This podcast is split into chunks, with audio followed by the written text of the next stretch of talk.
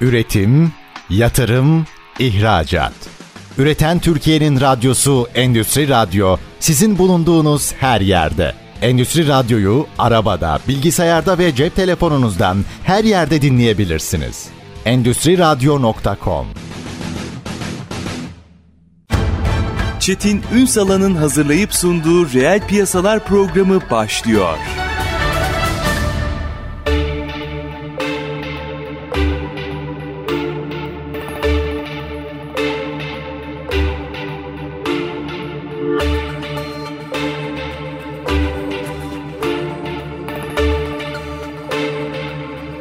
Piyasalardan merhabalar. Türkiye'nin gerçek gündeminde birlikteyiz efendim. Biz bugün yapay zekayı konuşacağız. Aslında yapay zekayı her alanda konuşacağız. Ee, bir tarafta insan kaynakları, bir tarafta iş yapış metodolojileri. Aklınıza gelebilecek her alanda yapay zeka ile ilgili meseleyi nasıl e, bir bakış açısına oturtmamız, işimizde nasıl kullanmamız gereğine, hatta bunu sadece bizde değil dünyada ne konuşuluyorun da e, ilavesini yaparak farklı bir boyutta ele alacağız. Kıymetli bir konumuz var bugün. Workflex kurucu ortağı ve TREI yani Türkiye Yapay Zeka İnisiyatifi kıdemli danışmanı aynı zamanda Roxan Kaspi bugün reel piyasaların konu. Sayın Kaspi hoş geldiniz efendim. Hoş bulduk. Teşekkür Merhaba. ediyorum Çetin Bey. Nasılsınız? Çok teşekkür ediyorum. Sizler de iyisiniz umarım. Teşekkür ederim. Bakın yapay zeka bunu sormaz mesela. Biz birbirimize soruyoruz. İşin latifesini bir tarafa bırakırsak. Tabii ki orada çok önemli bir teknoloji var. Daha belki başındayız. Daha çok farklı yerlere gidecek ama e, 2022'nin Kasım'ında İlk üretken yapay zeka çıktığından beri mesele çok farklı yerlere gitti. Tartışmalar babında baktığınızda. Şimdi biraz bunları konuşalım. Bir kere işin ABC'sinden başlayalım mı? Ee, bir sanki uzaylı geldi ve bize bütün mucizeleri verecek falan işte ya da bizi işsiz bırakacak falan gibi anormal magazinsel boyutta tartışıyoruz. Ya gerçekten yapay zekayı nasıl anlamamız gerekiyor?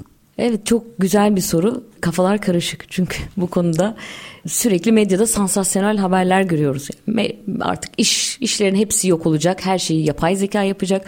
Yapay zeka dediğimizde insanların ilk düşündüğü aslında insansı bir robot değil mi? Ama yapay zeka böyle bir teknoloji değil kesinlikle. Evet oraya gitmeyi hedefleyen büyük teknoloji firmaları var çok yakın bir zamanda değil ama e, bir gün gerçekten insansı robotlar da gelecek ama yapay zeka aslında bugün itibariyle hayatımızı çok kolaylaştırabilecek bir teknoloji bizim bir asistanımız bütün işlerimizi daha verimli, daha hızlı ve iyi bir şekilde yapmamızı sağlayabilecek bir teknoloji gibi düşünmek lazım. Tabii Kasım 2022 dediniz bu çok e, kritik bir tarih. Neden? ChatGPT o gün piyasaya sürülüyor ve hayatımızda ilk defa biraz daha insana benzer bir teknolojiyle karşılaştık. Şu an sizinle konuştuğum gibi hani az önce dediniz ya yapay zeka bu soruları sormuyor. Aslında bunları bile sormaya başladı. Neden insanlık tarihinde bugüne kadar üretilen ne kadar içerik varsa diyelim. Yani, iyi ya da kötü. Aynen öyle iyi ya da kötü yazısı, makalesi, kitabı veya internette konuşulan her şey bunların hepsini e, bu chat GPT modelinin içine yüklediler ve oradan eğitilerek aslında bir insanın e, verebileceği en olası cevabı veren bir model ürettiler. E, dolayısıyla ne oldu? İlk defa artık işte teknoloji bilmeden, yazılım bilmeden, kodlama bilmeden çok da böyle dijital anlamda okur yazarlığınız gelişmiş olmasa da günlük hayatınızda kullanabileceğiniz bir yapay zeka teknolojisi ortaya çıkmış oldu. O yüzden herkes çok heyecanlandı. Şimdi yapay zekada birkaç kategori vardır. Dar kapsamlı yapay zeka vardır. Hı hı. E, dar kapsamlı ne demek? Şimdi belli alanlarda yapay zeka gerçekten insan kadar hatta insandan çok daha öte becerilere sahip olabilir. Örneğin çok iyi satranç oynayan bir yapay zeka. Ki bunun örneklerini gördük. Örnekleri dolu. Bizim bugüne kadar gördüğümüz tüm yapay zeka teknolojileri ve ürünleri dar kapsamlı. Yüzleri çok iyi tanıyor. Çok iyi satranç oynuyor veya chat GPT, GPT gibi çok güzel e, metin üretiyor. Dediğim gibi aklınıza gelebilecek her yapay zeka teknolojisi dar kapsamlı. Ama büyük teknoloji firmalarının ve bu işin biraz daha bilimi, teorisi tarafında olan e, düşünürlerin ve bilim insanlarının diyeyim. Hep şöyle bir hayali de var. Bir gün acı adı veriliyor buna. E, insan seviyesi genel yapay zekaya erişir miyiz? Bu ne demek? Kendi dar kapsamı konusunda değil herhangi bir konuda öğrenebilen, kendini geliştirebilen, insanların yapabileceği her şeyi yapabilen bir yapay zeka gelir mi? Yani dışarıdan baktığınızda tabii görüntüsünü bilemiyorum ama en azından davranışlarında, konuşmasında e, insandan farklı olduğunu anlayamayabileceğiniz bir seviyede. Şimdi eskiden belki birkaç yüzyıl sonra geliriz deniyordu. Şimdi ChatGPT ile beraber bu acaba bu yüzyılda gelir mi gibi düşünceler ortaya çıkmaya başladı. Bu yüzyılda ama. Bu yüzyılda. Ya, yani Kesinlikle. yarın değil yani. Evet bugünden yarına değil. E tabi bu heyecanlar başlayınca sizin dediğiniz gibi herkes işte uzaydan biri geldi bütün hayatımızı değiştirecek. Evet hayatımızı çok değiştirecek bu arada ama bu sansasyonel haberlerde olduğu gibi değil. Yani biz yapay zeka için şöyle diyoruz. Medeniyetimizin yeni işletim sistemi gibi görüyoruz. E bu ne demek? İşte internet, telefon, elektrik bu teknolojiler bizim hayatımızın her alanına giriyor ve bizim hayatımızı kolaylaştıracak şekilde artık vazgeçilmez bir parçası oluyor hayatımızın. Bu işi şöyle basitleştirsek çok daha kolay tartışmayacak mıyız? Biz eskiden mesela ben bizim meslek grubundan haber bir şey yapayım. Biz bir haberi oluştururken böyle dokümantasyonları gezerdik, oradan verileri toplardık vesaire. Sonra bir arama motoru çıktı adını vermeyeyim şimdi. O arama motoru bizim işimizi çok kolaylaştırdı. Şimdi ondan daha gelişmiş bir şey var. İş bu kadar basit değil mi?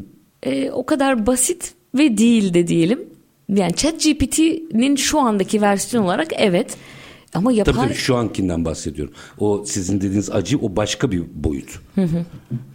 Ee, yani biraz böyle bakıp işimizde nasıl kullanırız diye sormak gerekmiyor mu bunu? Kesinlikle ve yapay zekanın aslında bir tek ChatGPT gibi de düşünmemek lazım.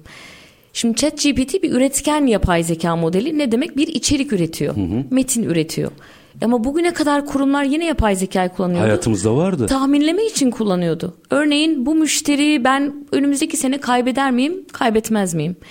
Önümüzdeki bir sene boyunca her ay ne kadar sipariş alırım ona göre ben stok yönetimimi yapayım. Hani bu tarz gerçekten işimize yaptığımız işi değer katacak konularda da yapay zeka tahminlemesiyle ciddi bir verimlilik ve hız kazanabiliriz işte. ve değer katabiliriz. Biz işin bu kısımlarına odaklanmak yerine müthiş bir yere yani asıl bizim tartışmamız gereken mesele burası. Verimlilik tarafı. Biz hala e, sizin bu yüzyılda olacak mı sorusu diye nitelendirdiğiniz meselede insansı robotlar üzerinden bugünü kaçırıyoruz. Kesinlikle. Ve yapay zeka ve üretken yapay zeka arasındaki farkı da tam anlamıyoruz. Şimdi chat GPT ile bir hype oluştuğu için herkes aslında üretken yapay zeka. GPT diyelim onlara. Üç tane var ya. Evet doğru. GPT diyelim. Bu arada doğru GPT altında çalışan model chat GPT onun ürünleştirilmiş hali. Model tek başına yeterli değil. Çok güzel bir ürün üretmişler. Dolayısıyla GPT üretken bir yapay zeka. Metin üretebiliyor. Ama arkada tahminleme için biz yapay zekayı çok farklı şekillerde kullanabiliriz ve bu bizim insanların kullanacağı bir teknoloji. Neyi üreteceğine, neyi tahminleyeceğine, bunu nasıl yapacağına bu modeli eğiten kişiler, bu ürünleri tasarlayan kişiler karar veriyor. Gerçekten bizim hayatımızı iş anlamında değiştirebilecek bir teknoloji. Dolayısıyla şirketler şu an use case yani bir kullanım alanı bulamıyorlar yapay zekayı tam anlamadıkları için. Tam burayı açalım mı? Yani mesela e, şimdi o işin bir kere iş dünyası açısından bakalım. E, entelektüel olarak meselenin insansı tarafını takip etsinler. Güzel magazineldir de sıkıntı yok.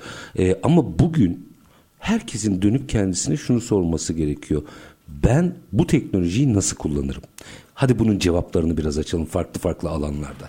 Evet kesinlikle günlük hayatımıza nasıl gireceğinden hiç bahsetmiyorum. Şu an tamamen şirketler odağında Hı, düşünüyorum. Günlük hayatımızı açacağım sonra çünkü o tüketiciyi ilgilendirecek. Kesinlikle. Küçük günlük hayatımızda kullandığımız ürünler de sonuçta belli şirketlerin geliştirdiği teknolojiler Doğru. ve evet e, orada da çok ciddi e, değişiklikler olacak ama şirketler açısından düşünürsek aslında bence dönüp dolaşıp her şirket ve her çalışan kendine şunu sormalı. Ben bugün işimle ilgili neyi tahmin edebilseydim hayatım değişirdi. Yani elinizde bir sihirli değnek olduğunu düşünün ve yarın işinizle ilgili size ne olacağını söylüyor.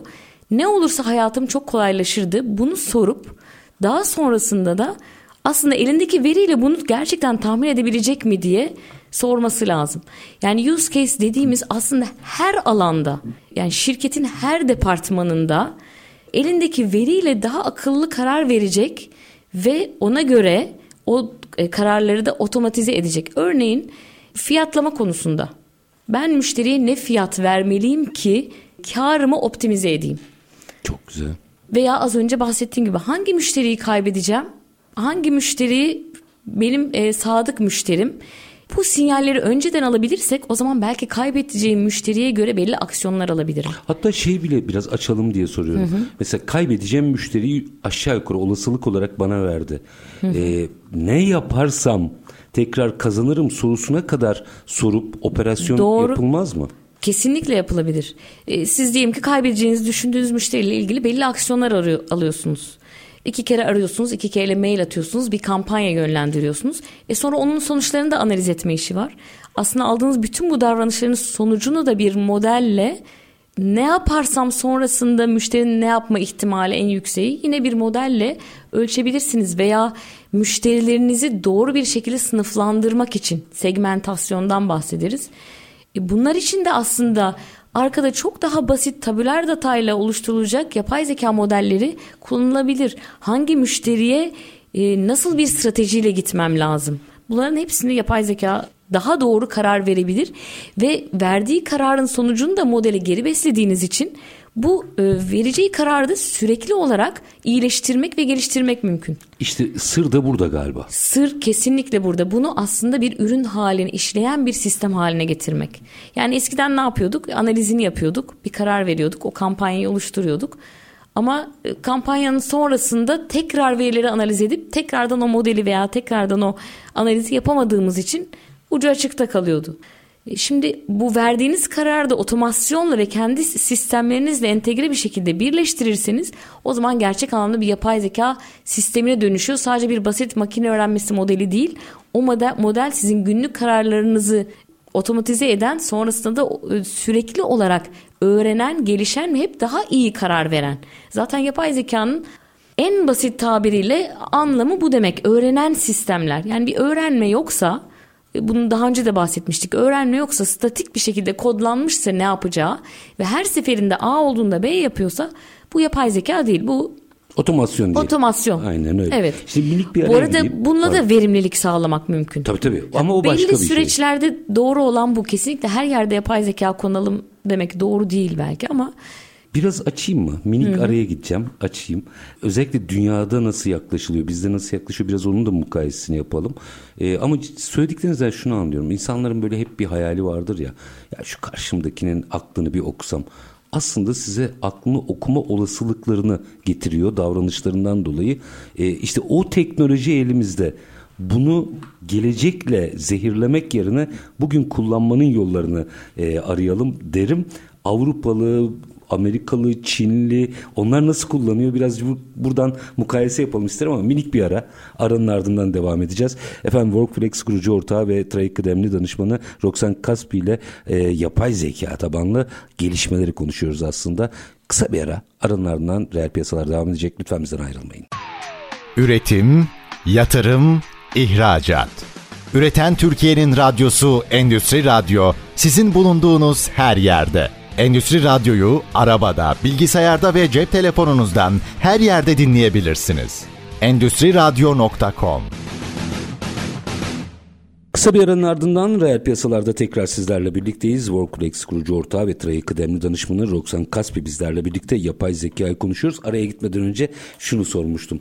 Ee, Peki bu kadar işlerimizi geliştirecek, verimlilik haline, verimli hale getirecek bir teknolojide doğru algılamayı açısından bir mukayese yapmamız gerekiyor. Bunu Çinli, e, Amerikalı, Avrupalı, Hintli bilmiyorum yani rastgele söylüyorum. Dünya nasıl kullanıyor evet. veya algılıyor diyeyim. Evet e, aslında konuları biraz ayrıştırmak lazım. Şimdi bir yandan büyük teknoloji devleri var değil mi Amerika'da bildiğimiz ve her gün gerçekten de bütün sektörleri yıkıcı anlamda değiştirecek, dönüştürecek. Bizim günlük hayatta aslında belki bazı toplumsal yapıları veya günlük hayatta kullandığımız bütün ürünleri ve yaşayış şeklimizi bile değiştirecek ürünlere yatırım yapıyorlar. Özellikle Amerika'da çok büyük yatırımlar var bu anlamda. İşte her gün haberleri duyuyoruz. İşte şu büyük firma şuraya 10 milyar dolar yatırdı, burayı satın aldı gibi. Sağlık sektörüne inanılmaz yatırımlar var işte kanser teknolojileriyle ilgili yeni ilaç geliştirmekle ilgili işte örneğin cildin lekesine bakıp hemen burada bir kanser riski var mı yok mu diye anlamak üzere application'lar geliştiriliyor. Dolayısıyla ne gibi haberler çıkıyor? Artık e, işte doktorlara ihtiyaç olmayacak teşhisleri makineler koyacak. Belki günün birinde bir makinenin içine gireceğiz ve e, işte bütün bir vücut taraması yapacak. Neyimiz var, neyimiz yok hepsini söyleyecek. Bunlar biraz daha geleceğin böyle dönüştürücü çığır açan teknolojileri ve bu anlamda büyük yatırımlar var. Artı orada bir şey açarsanız sevinirim. Bu teşhis kolaylığı getiriyor. Tedavi yine doktor yapacak. Doktor sadece şuyum var diyen değildir. Aynı zamanda tedavi edendir. Kesinlikle doğru tedavi ama belki doğru tedavinin ne olduğu konusunda da yapay zekadan faydalanacak. Belki yapay zeka sayesinde yepyeni ilaçlar üretmek çok daha hızlı bir hale gelecek. E, dolayısıyla belli sektörleri çok hızlı anlamda değiş dönüştürecek olabilir. Ama bir yandan da az önce konuştuğumuz gibi işte reel sektörler, firmalar, teknoloji firması olmasına gerek kalmadan, asıl alanı yapay zeka geliştirmek olmasına gerek kalmadan bu teknolojileri kendi iş yapış şekillerine, şekillerine adapte nasıl edebilirler? Bu anlamda çalışan ve çok daha gelişmiş belli olgunluk seviyesine e, erişmiş firmalar var. Ne gibi alanlarda kullanıyorlar?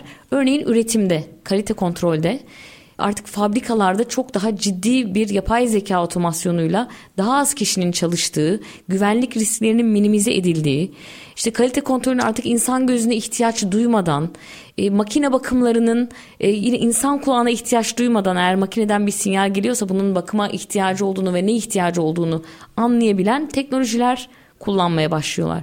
Bunların dışında özellikle perakende sektöründe, e, depolama işlerinde, örneğin şimdi isim vermeyeyim İngiltere'de çok büyük bir sipar lojistik mi? Ne? Lojistik de içeriyor biraz ama sipariş üzerine sizin evinize sipariş getiren hmm. yani Kargo diyelim biz ona işte. E, evet. E, en basit anlamıyla. Aynen. E, aslında bir alışveriş ve sipariş. Ha, siteden mi bahsediyorsunuz? Site değil. E, isim kullanabiliyor muyum?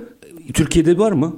Türkiye'de çok benzeri var. Hatta yurt dışına da açıldılar. Ha, tamam, Buna anladım, benzer tamam. bir firma. Aynısı değil. Çok benzer bir firma. Sipariş Şimdi, ettim evime yollayın evet, firması. Aynen tamam. öyle. Şimdi öyle bir sistem geliştirmişler ki 2000 tane robotun olduğu tamamen insansız bir e, depoları var. Sipariş geldiği anda bu 2000 tane robot e, yerde de sepetler var. Hangi sepete gidip hangi ürünleri hangi sırada toplayacağını tamamen yapay zeka ile karar verilen bir sistem var. E, çünkü robotlar birbirlerine o kadar yakın geçiyorlar ki birbirlerine hiç çarpışmadan ve aynı anda belki binlerce sipariş geldiği için bu sepetlerin içindeki ürünlerin dizilimi bile arkadaki veri analiz ediliyor. Hangi ürün en çok hangi ürüne beraber sipariş verilir bilindiği için yerleştirmeleri bile yapay zeka ile karar verilir. E, hiçbir insan dokunmadan günde 2 milyon tane ürünü sepetliyorlar ve deponun ucuna götürüp aslında eve kargolanmak üzere. Videosu da izlenebilir. yani. yani buradaki robotların işte tekerlekli robotlar gibi düşünün nasıl aslında orada biraz lojistik de içeriyor. Nasıl bir rota izleyip hangi sepetlerden gidip hangi ürünleri alıp kimlerin siparişini toplayacağından hangi ürünün hangi sepette bulunması gerektiğini ve o sepetlerde kaç tane üründen stok olarak da yani kaç adet o üründen bulunması gerektiğine kadar her türlü şeye tamamen yapay zeka kar, e, karar veriyor. Devasa bir e, depo gerçekten çok enteresan. Yani bu konuda çok ileri seviye bir... Ya biz karanlık fabrikaları konuşurken karanlık depolar olmuş bile. Evet. Şey çok enteresan geldi. Şimdi orada tam bir yapay zeka işi işte.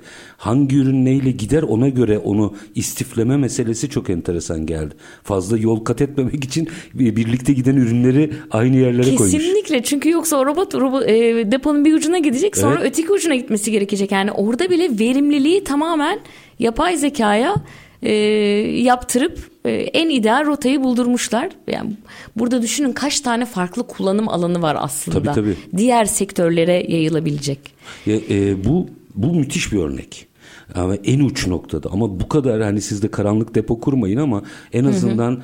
imalat hatlarınızda ya da e, stok e, mekanlarınızda, depolarınızda rahatlıkla bu şeyleri doğru bir uygulamalarla uygulamayla yapabilirsiniz gibi geliyor bana. Kesinlikle. E, stok optimizasyonu için de çok kullanılan bir konu. E, eğer siz tam olarak hangi üründen ne kadar sipariş alacağınızı bilirseniz o zaman o adette üretirsiniz, o adette stok tutarsınız. E, artık e, yeni bazı ürünler hem stok miktarını azaltıp hem de stok out olma ihtimalini gerçekten %40 oranında %50 oranında azaltıyor. Stok tutarınızı düşürdüğünüz halde. Artı bu bütün üretim planlamanızı değiştirir. Bütün üretim planlamanızı değiştirir. Ciddi anlamda maliyetten kısmak, e, çok veri, ciddi bir verimlilik artışı gerçekten aslında bunlara yoğunlaşması gerekiyor bence reel sektörün. Hani chat GPT ya da üretken yapay zekayı nasıl kullanırızdan ziyade. Ama tabii e, işte üretken yapay zeka ile beraber şu da çıktı artık eskiden devasa çağrı merkezleri vardı. Değil mi? Müşteri hizmetleri çok büyük bir olay. E, artık bu işi tamamen işte sanal ajanlarla veya chat GPT gibi ürünlerle yapabilir miyiz? işte ChatGPT artık bir App Store gibi bir yere dönüşmeye başladı. Tüm firmalar kendi GPT ürünlerini oluşturmaya başladı. Dolayısıyla burada da ciddi değişiklikler olacak diye düşünüyorum. Yani çağrı merkezi çalışanını veya müşteri hizmetleri e, departmanlarını ciddi anlamda hızlandıracak, müşteri memnuniyetini e, arttıracak. Evet belki orada biraz insan kaynağı ihtiyacı düşecek ama hiçbir zaman tamamen insansız olmayacak. Ee, ama müşteri memnuniyetini de arttıracak ve nokta atışı o müşteri daha şikayete dönüşmeden doğru bir şekilde aksiyon alıp e, işleri hızlandıracak çözümler de getirebilir, kullanabilirler. Özellikle de GPT ile bunu daha da hızlandırmaları ya, mümkün. Şu şeyden bir kere kurtulmamız gerekiyor sanki. E, çünkü bence yapay zeka ve benzeri teknolojilere en büyük defans oradan başlıyor. Ya insanın insanın yerini bir şey almıyor. İnsan başka meslekler yapacak. Belki de bu yapay zeka uygulamalarının yaratacağı bambaşka meslekler çıkacak ortaya. Biraz çıkmaya başladı bile. Keza değil mi? Yani biraz daha olgun teknolojik olgunluk seviyemizi nasıl arttırırız? Evet buradaki asıl sıkıntı şimdi bir yandan işler yok olacak diyoruz. Öteki yandan Şimdi belki biraz Workflex'ten de bahsederiz. Dünyadaki en büyük trendlerden bir tanesi de yetenek açığı. Evet. Talent gap dediğimiz. İngiltere'deki en büyük 500 firmaya sormuşlar. Sizce şu an firmanızda bir yetenek açığı var mı? Yetenek açığı ne demek? E, doldurmak istedikleri pozisyonu dolduramıyorlar. Yani açık pozisyon var ama aylar geçmiş dolduramıyorlar. Veya mevcut pozisyonda biri var ama onun e, yetenek seviyesi yani skill seti aslında e, bulunduğu pozisyon için tam olarak yeterli değil. Yani geliştirilmesi, belli, geliştirilmesi ve eğitimlerden geçmesi gerekiyor. Firmaların %93'ü e, evet bizde bir yetenek açığı var demiş. %93'ü ne demek yani neredeyse hepsi tamamı hepsi. Ciddi bir ihtiyaç var. Firmalar yetenek bulamıyor. Belki 6 ay ile bir sene arasında sürüyor. Gerçekten de istedikleri pozisyonu doldurmak. Ama daha da acıkısını söyleyeyim. Tam istedikleri kişiyi bulsalar bile ki bence bulamıyorlar bulsalar bile bu kişi 6 ay ile bir sene arasında zaten ayrılıyor işten başka bir yere geçiyor. Çünkü yetenek savaşları var. Çünkü Bütün yetenek savaşları var. Başka bir yerden teklif geliyor. Dolayısıyla evet işler yok olacak ama yepyeni işler türeyecek ve aslında yepyeni işler de var ama e, şu anda mevcut durumda e, yetenek seviyesi yeterli olmadığı için bu işlere başvuramıyorlar. Mevcut iş yapış şeklerini buna dönüştüremiyorlar. Bu da ne demek? Şirketlerin de e, globalde belki bazı kurumların ve de, hükümetlerin, devletlerin de buna ciddi yatırım yapması gerekiyor. Ve bizim upskilling dediğimiz kişilerin farklı yeteneklerini ortaya çıkaracak ve eğitim kurguları geliştirmemiz, belki eğitim sistemini tamamen değiştirmemiz gerekiyor. E çünkü yeni dönemde bunlara çok ihtiyaç olacak. Firmaların en çok söylediği şu. Biz az önce size bahsettim ya kullanım alanları bulamıyorlar. Yani bir yandan teknik çalışanlar var ve onların teknik seviyesi yeterli değil. O anlamda ciddi geliştirme gerekiyor. Bir yandan da teknik olmayan diğer departmanlarda işte operasyon departmanı diğer destek departmanlarında kişilerin e, teknoloji konusunda analitik düşünme konusunda e, bu dijital hizmetler yapay zeka gibi konularda okur yazarlıkları ve farkındalıkları çok düşük. Dolayısıyla asıl her gün o işin içinde sıkıntıları yaşayan, o sıkıntıları çözüm üretecek ve yapay zeka ile çözmek bile olsa bir kullanım alanı düşünecek kişilerin bunları düşünecek e, farkındalıkları tam olarak gelişmemiş. Teknik kişiler de işi bilmiyor. Yani business tarafını anlamıyor, operasyonu doğru anlamıyor. Dolayısıyla geliştirdikleri kullanım alanlarının öbür tarafta kullanıcısı yok. İşte bu Çünkü kesişme, gerçek bir problemi çözmüyorlar. Bu kesişme yeni bir meslek değil mi aslında? Bu kesişme tamamen yeni bir meslek. Her firmanın bize söylediği biz bu tarz birini istiyoruz. Proje yöneticisi lazım. e, artık bunun bir ismi bile yok. Tam olarak ne olduğunu bilmiyorum ama biraz iş analisti tarzı. Yani o e, iş tarafıyla teknik taraf arasında köprü görevi görecek kişiler lazım. Üretken yapay zekaya doğru sorguları girip doğru en verimli ve en doğru sonucu alacak. Buna prompt design deniyor veya sorgu tasarımcısı deniyor. E, prompt engineering de deniyor bazen ama ben yani biz e, Türkiye Yapay Zeka İnisiyatifi olarak bu mühendislik lafını kullanmak istemiyoruz. Çünkü işin içinde bir mühendislik yok. Aslında bir tasarım var. Yani biz üretken yapay zeka ile yeni bir görsel tasarlayacağız. Yeni bir video ya da yepyeni bir rapor, makale yazdıracağız. E, buna en doğru sorguyu nasıl yazarız ki istediğimiz cevabı alalım? Yani yapay zekayı baştan tasarlıyorsanız mühendislik. Siz olanı nasıl kullanırız bu nasıl tasarım? kullanırız? Evet. Onu doğru anlamak ve ona doğru bir şekilde soruyu sormak ki en iyi cevabı alalım. Çünkü zaten günün sonunda e, GPT'de e, bir insanın vereceği en olası cevabı veriyor. Gerçekten de sorduğunuzu anlamıyor. Nasıl eğitilmiş? Hani çocukken oynardık ya işte buradaki bir cümle veriliyor. Buradaki kelimeyi e, bir tane kelime altı çizgi boşluk. Boşluğu doldurun. Buraya hangi kelime gelebilir? Bu kadar basit bir şekilde e, denemelerle e, pekiştirmeli öğrenmeyle yavaş yavaş boşlukları doldura doldura öğretiyorlar GPT'ye. Ta ki seneler içinde Artık işte bir paragraf veriyorsunuz. Şimdi buna üç paragraflık yazı yaz. Tamamı boşluk ve hepsini doldurabiliyor. Ve tamamen olasılığa göre dolduruyor. Siz ona hayır bu yanlış oldu dediğinizde yine olasılığı yüksek başka bir cevaba gidiyor. Evet haklısın yanlış oldu diyor. Ve sizin o yazdığınızdan da bir şey öğreniyor. Tekrar yeni bir sonuç üretebiliyor. Sürekli kendini geliştiriyor. Bu e, çok enteresan bir şey tabii. Yani günün sonunda aslında yaptığımız her doğru ya da yanlış ona yeni bir şey daha öğretiyor. Kesinlikle. Ee, ve evet, yine bundan korkmak yerine bundan daha fazla faydalanmanın yollarını e, aramamız gerekiyor. Ya bu aslında mucizevi bir şey. Şöyle düşünün. Şimdi ben bir birey olarak bir şey öğrendiğimde bunu başkalarına aktarabilmek için ne yapıyorum? İşte bugün burada radyo programında size bilgiler tabii. aktarıyorum. E belki sosyal medya kullanıyorum. Olabildiğince çok kişiye erişmeye çalışıyorum ama arada da tabii bir şeyler kayboluyor. Yapay zekada şöyle güzel bir özellik var. Milyonlarca kişi GPT kullanıyor ve az önce bahsettiğim gibi bir kişinin hatası veya e, GPT'nin bir kişiden öğrendiğini aslında sonrasında herkes uygulayabiliyor. Yani evrensel bir öğrenme oluyor veya şöyle bir örnek vereyim işte yüz binlerce kişi Tesla kullanıyor değil mi?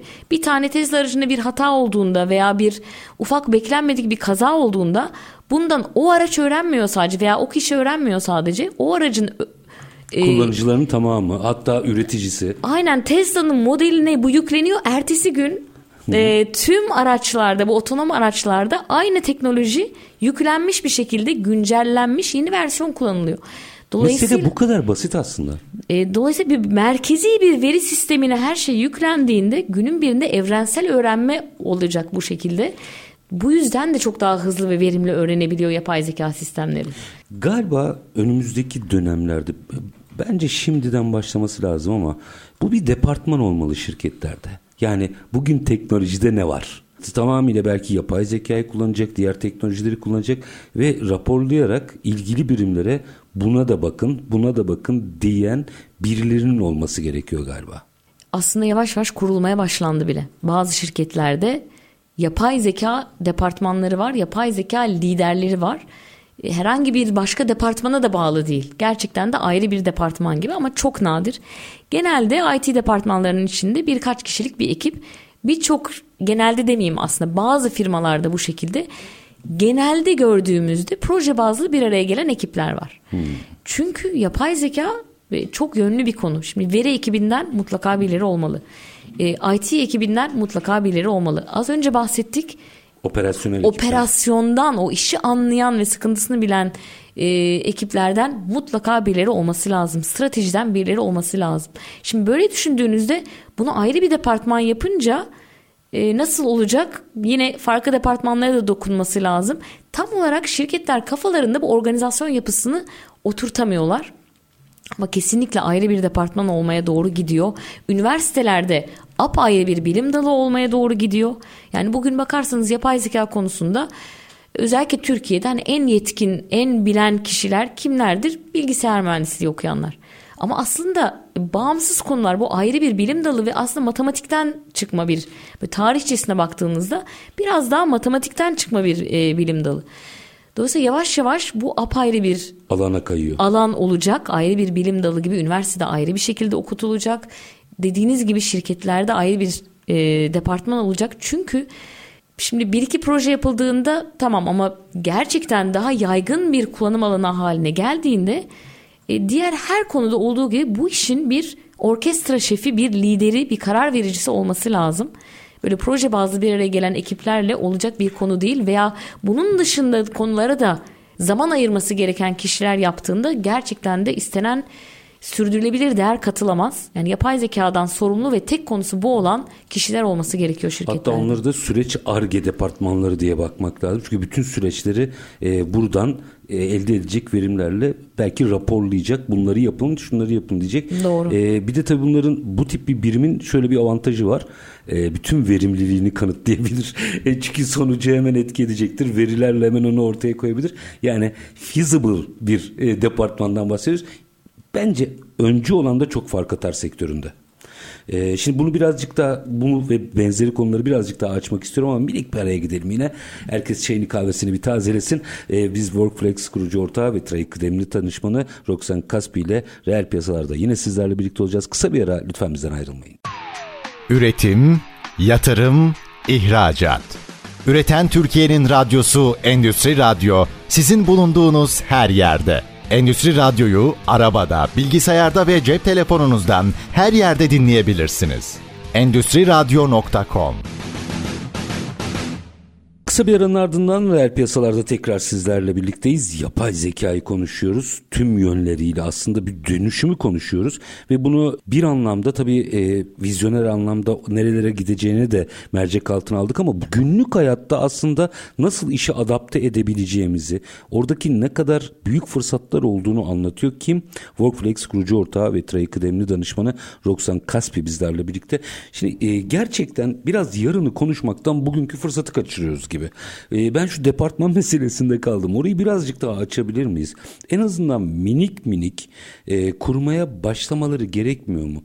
Siz biraz sohbet ettik arada da orada paylaşacağım. Tam olarak nereden başlayacaklarını bilmiyorlar e, ifadeniz vardı. Bunu biraz açalım mı? Şimdi biz Türkiye Yapay Zeka İnisiyatifi olarak düzenli olarak şirketlerde yapay zeka olgunluk ölçümleri gerçekleştiriyoruz. Bu olgunluk ölçümlerini gerçekleştirirken de gerçekten 360 derece bir röntgen çekmeye çalışıyoruz yapay zeka konusunda. Yani yapay zeka deyince herkesin aklına hep teknoloji geliyor. Olgunluk ölçümünde de sanki işte gerçekleştirdikleri mesela projelerin teknolojik anlamda ne kadar ileri seviye olduğu, ne kadar az önce dediniz ya çığır açıcı olduğu. Aslında konu bu değil. Biz daha ziyade stratejiden başlıyoruz. Yani yapay zekayı nasıl kullanacağınızla ilgili bir stratejiniz var mı, belirlediniz mi? Tüm şirketlerin bir iş stratejisi vardır. Bir de o iş stratejisini besleyen bir işte dijital dönüşüm, yapay zeka, analitik stratejileri de olması gerekiyor. Ee, tabii ki o genel stratejiden bağımsız değil ama yapay zekayı nasıl ve nerede kullanacağı, belki de stratejisinin parçası olarak nerede kullanmayacağı. Yani bazı şirketler şunu diyebilir. Şu an bizim yapay zeka konusundaki gelişmişlik seviyemiz müşterinin önüne direkt yapay zeka içeren ürünleri kullanmaya hazır değil. Müşteri memnuniyetimizi düşürebiliriz bile. Biz arka planda verimliliği arttırmak için kullanmaya başlayacağız. Daha müşterinin önüne yapay zeka koymayacağız demek bile bir stratejidir. Dolayısıyla o yapay zekayı nasıl kullanacağız stratejisi var mıyı ölçerek başlıyoruz. Daha sonra baktığımız boyut değer boyutu. Yani yapay zeka ile sürdürülebilir anlamda bir değer katıyor muyuz? Kullanabileceğimiz, şimdi her şirketin bir süreç haritası vardır. Farklı departmanlarda uygulanan süreçler vardır. Ee, yani insan kaynaklarından operasyona, e, finanstan e, işte müşteri hizmetlerine kadar her birinin farklı süreçleri ve her birinde potansiyel olarak yapay zeka ile iyileştirilebileceği durumlar vardır. Bu süreç haritasını çıkardınız ve hangilerinde yapay zekayı nasıl kullanabileceğinizi ölçtünüz mü? Bunun getirisini, maliyetini, belki e, ne kadar sürede yapılabileceğini, bunu yapmak için nasıl bir insan kaynağı ve yetenek kapasitesi gerekeceğine baktınız ve ona göre doğru projeleri önceliklendirdiniz mi? Bunu da ölçüyoruz. Çünkü birçok firmada da şimdi yapay zeka öyle bir hype oldu ki yapay zekayı kullanmış olmak için akıllarına gelen ilk projeden başlama meyili olabiliyor. Ama şimdi doğru bir strateji ve doğru bir kullanım envanteri çalışmasıyla giderseniz o zaman bütün kaynağınızı gerçekten de size en çok değer katacak en doğru projeden başlama, başlayabilirsiniz. Bu kadar hayati bir şey söylüyorsunuz ki yani biraz hadi buradan başlayalım noktası mı e, geneleyelim? Hadi buradan başlayalım değil de şimdi yapay zekayı kullanmamız lazım bir an evvel çünkü tren kaçıyor ve kullanmazsak rekabette arkada kalacağız. Şirketler de tabii şimdi bu sansasyonel haberler çıkıyor. E, tüm şirketler gündemini almış diğer şirketlerin ne aşamada olduğunu da bilmiyorlar. Dolayısıyla Şimdi orada daha böyle sistematik ve kapsamlı bir strateji çalışması yapılmak yerine ve en doğru kullanım alanı belirlenmesi yerine belki işte az önce bahsettik ya herkesin okur yazarlık seviyesi aynı değil. Hani ilk proje üretebilen kişinin söylediği projeyle başlanıyor. Birkaç pilot proje. Ama o en doğru proje olmayabilir. Ve gerçekten de bir model yapılır bunun örneklerini çok gördük. Bir model yapılıyor ama daha sonrasında öbür tarafta bir kullanıcısı bulunuyor. Kullanılmıyor ve şirkete değer katan proje olmuyor. Ama e, siz belki aylar boyunca işte iki tane veri bilimcinizi veya işte veri ekiplerinizi bunun üzerinde çalıştırmış oluyorsunuz. E, ciddi bir zaman kaybı ve kullanılmayan, değer yaratmayan bir proje türüyor.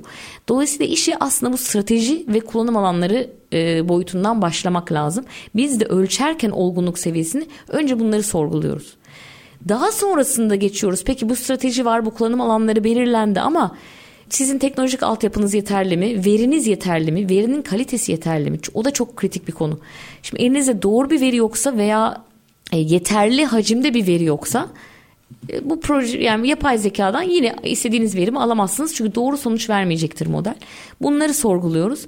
Arkasından da işin biraz daha işte kapasite boyutuna yani yeterli bir yetkinlik var mı bu veriyi teknolojiyi kullanacak ve bu kullanım alanını hayata geçirecek bir yetkinlik kapasitesi var mı içeride ki proje başarısız olmasın. En sonunda yönetişime bakıyoruz. Siz bu işin yasal ve etik kısımlarını irdelediniz mi, değerlendirdiniz mi? Burada aslında etik olmayan bir şeyler yapıyor musunuz? Veride bazı ön yargılar var mıdır? Sonuçta da aynı ön yargıları çıkaracak. Evet genel olarak gördüğümüz şimdi daha önceki programda ben bahsetmiştim. Bizim yaptığımız ölçümlemelerde ortalama seviye 2.4. Hı hı. Şimdi strateji ve değer boyutunda bu ortalama daha da düşük. Yani 2 2.1 çünkü birçok şirket stratejiden başlamıyor işe. Halbuki şey, buradan başlaması halbuki lazım. Halbuki buradan başlaması gerekiyor. Öncelikle dediğim gibi ben yapay zekayı nasıl kullanacağım? Belki de e, yapay zekayı şu an kullanmaya hazır değilim. Önce veri altyapımı netleştirmem lazım. Ben ilk o projeye girişmeden önce.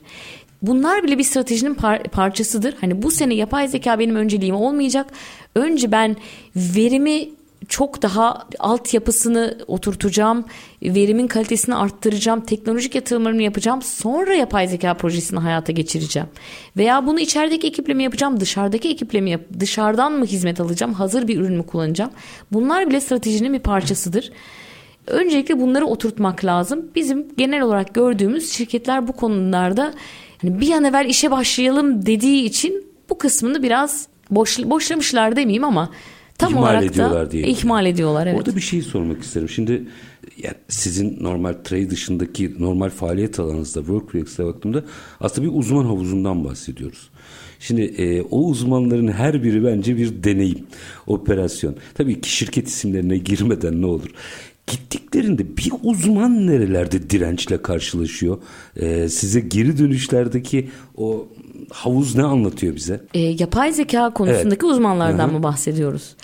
E, uzmanların genelde e, şimdi gördüğümüz kadarıyla zaten yetkin olanları bir an evvel aslında yurt dışına proje yapmak istiyor. Çünkü orada da e, inanılmaz fırsatlar var. E, dolayısıyla ne oluyor? Burada aradıkları kendilerini geliştirecek ortam bulamadıkça aslında biz bu uzmanları e, kaybediyoruz. Aa, en tehlikelisi de bu iş. Bu en tehlikelisi ve üzücü olanı. Şimdi bir yandan ciddi bir yetenek açığı var diyoruz. E, ama bir yandan da işte yeni kullanım alanı üretmekte zorlanan, e, dolayısıyla projeyi tam nereden başlayacağını bilmeyen firmalar bu yetenekleri tavlayamıyor. Tam olarak istediği yeteneklerini kullanamayan uzmanlar da ne oluyor? Yurt dışına kaçmaya başlıyor. Bir, böyle bir sıkıntımız maalesef var. Bizim tabii Workflex dolayısıyla da birçok uzmanla e, bir araya geliyoruz. Oradaki e, dönüşleri merak ediyorum size dönüşleri. Ne aktarıyorlar size? Off the record'lar varsa söylemeyin ayrı konu ama merak ederim. Yani biraz şirketler de geri dönüşlerdeki gerçeklerle yüzleşsinler istiyorum da o yüzden soruyorum. Yani yine aynı konuya geleceğim. Biraz sanki şirketleri çok fazla böyle bilmiyorlar gibi anlatmış oldum ama en çok karşılaştığımız konu yine şirketler de tam olarak ne aradıklarını bilmiyorlar. Öyle bir pozisyon açıyorlar ki veya öyle bir pozisyon talebinde bulunuyorlar ki işte az önce bahsettiğim gibi hem o işin köprü görevini görsün ama hem işin teknik kısmını bilsin. Hem çok deneyimli olsun ama hem çok deneyimli olmayan birinin yapacağı gerçekten de böyle kolları sıvayıp işin mutfağında yapıyor olsun. İşin her boyutunu biliyor olsun. E böyle kişiler yok. Artık dünya değişiyor. Gerçekten de e, çok spesifik uzmanlık alanları var. Bunlar robota geçmişler bile bence. Hepsini yaptırdık, yaptırmak istediklerine göre. Şimdi tam olarak ne ihtiyacı olduklarını bilmediklerinde ne oluyor? O proje hem süresi çok uzuyor hem çok başarılı olmuyor hem bu tam istediğimiz kişi değildi deniyor. E, hem uzman sıkılıyor çünkü kendi yeteneklerini orada geliştiremediğini hissediyor. Hem şirket tarafında memnuniyetsizlik oluyor. Çünkü biz istediğimiz projeyi hayata geçiremedik deniyor. Orada bu uzmanların şöyle yani yeni tip uzmanların şöyle bir özelliği de var gördüğüm kadarıyla. E, alırım paramı bana ne falan diye yani kendi üzerine de bilgi koyamıyorsa sıkılıyorlar. Kesinlikle kendini geliştirmek en çok aradıkları e, niteliklerden bir tanesi. Parayla bir motive projeye edemiyorsunuz girerken. yani. Edemiyorsunuz. Çok enteresan bir durum çünkü e, bu sefer oradaki direnç onu yolundan alıkoyuyorsa e, sizle mi uğraşacağıma dönüyor anladığım kadarıyla hikaye.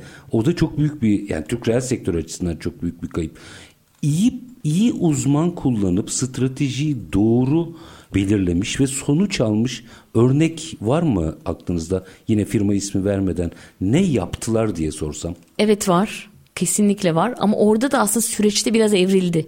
Yani ilk geldiklerinde talep ettikleri kişi veya kurumla diyeyim sonunda aslında bizim eşleştirdiğimiz kurum apayrıydı. Hatta şöyle söyleyeyim onlar 2-3 kişilik bir ekip arayışındaydı. Biz onları bir butik danışmanlık firmasıyla birleştirdik.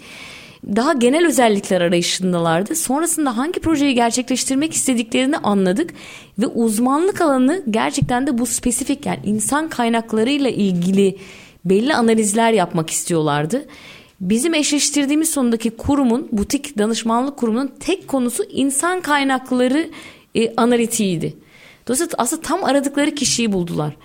Bizim bu yüzden düşüncemiz Workflex'te şimdi şu anda çalışan zaten bir e, platform var e, ve e, kuruma ne istediğini, talebini belli sorularla soruyor. Ama gitmek istediğimiz nokta şimdi yatırım da aldık ve bu teknolojiyi geliştirmek istiyoruz. Bir startup yani aslında. Tabii ki bir startup. Gitmek istediğimiz nokta şu. Gerçekten de bir soru doldurmaktan ziyade biz böyle kısa bir brief alabilirsek şirketlerden şöyle iki paragraflık standart birkaç soruyu geçiyorum yani işte eğitimi nasıl olsun kaç yıllık bir deneyimi olsun hangi konuda uzmanlıkları olsun ne gibi ürünleri kullansın bunlar zaten her e, standart sorular. İnsan kaynaklarının sorduğu standart sorular. Ama bunun ötesinde hani nasıl bir proje için veya ne gibi işleri yapmak için nasıl birini arıyorsunuz? Hani gidersiniz headhunter'lara bir brief verirsiniz ya. Bunu yazılı olarak hatta belki sözlü olarak bir ses kayıt olarak bize iki paragrafta versin. Artık inanılmaz bir speech to text sonrasında da o e, yani konuşmadan metine döneceğiz. Sonra da o metini e, doğal dil işlemeyle analiz eden yapay zeka teknolojileri var. Bu şekilde biz aslında kurumun ne istediğini onların kendi soru cevap e, listesine doldurabileceğinden daha doğru anlayacağımızı ve daha doğru kişiyle eşleştirebileceğimizi düşünüyoruz. Yani derdini anlat diyorsunuz. Yani gideceği, ne, ne istiyorsun sen? Kesinlikle gideceğimiz noktada bizim üründe bir iş ilanı olmayacak. Böyle saatlerce dolduracak soru formları olmayacak. Bize böyle iki paragraflık bir yazıyla veya kısa bir ses kaydıyla ne istediğini anlatacaklar. Ve inşallah neredeyse mucizevi bir şekilde tam istedikleri kişiyi eşleştiriyor olacağız. Öbür türlü olsaydı çok daha zor olacaktı.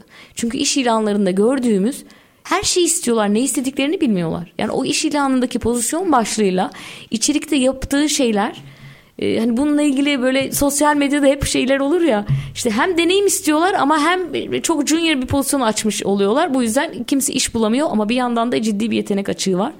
Ama bir yandan para vermek istemiyorlar. Bir yandan para vermek istemiyorlar kesinlikle.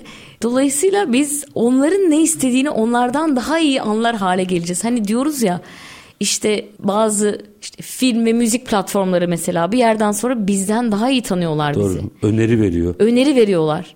Aynısını insan kaynaklarında da bulabiliriz diye düşünüyoruz. Örneğin bazen telefonların bizi dinlediğini düşünür herkes. Çünkü bir, bir şey söyleriz yarım saat sonra aynısı reklam olarak çıkar. Aslında telefonlar bizi dinlemiyor. E, digital twin denen bir şey var. Bizim aslında dijital bir kopyamızı yapıyorlar ve bizi o kadar iyi tanıyorlar ki gerçekten nelerden bahsedebileceğimizi, nelerle ilgilenebileceğimizi, son zamanlarda neleri izlediğimizi bildikleri için gündelik hayatta arkadaşınızla konuştuğunuz veya yeni izlediğiniz bir şeyi bile doğru tahmin ettiği için model ona paralel bir şey çıkarıyor. Siz zannediyorsunuz ki kesin beni dinledi. Aslında öyle değil. Gerçekten bizleri bizden daha iyi tanır hale geldiler. Dinlemesine gerek var mı? Sosyal medya var. Ee, bir de konum verdiyseniz gerisi kolay zaten. Kesinlikle öyle. Yani bu görüşmelerinde bile kişinin kullandığı kelimelerden, ses tonundan. E, iki ay önce bir konferansa katıldım. E, orada çok farklı yurt dışında bir startup'ın e, kurucusuyla biz sohbet ederken şöyle bir örnek verdi bana.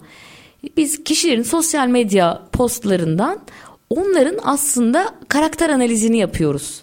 Ve bunu da bir iş ilanı yani bir kuruma başvurduklarında başvurdukları kuruma tabii tamamen analiz ediyoruz. Analiz edip bunları sağlıyoruz. Tabii tamamen KVKK var. Evet, halka açık var, ortamda tabii. paylaştığı postlar olduğu için sıkıntı değil. Hani kişinin de belki uygunluğunu alıyorlar.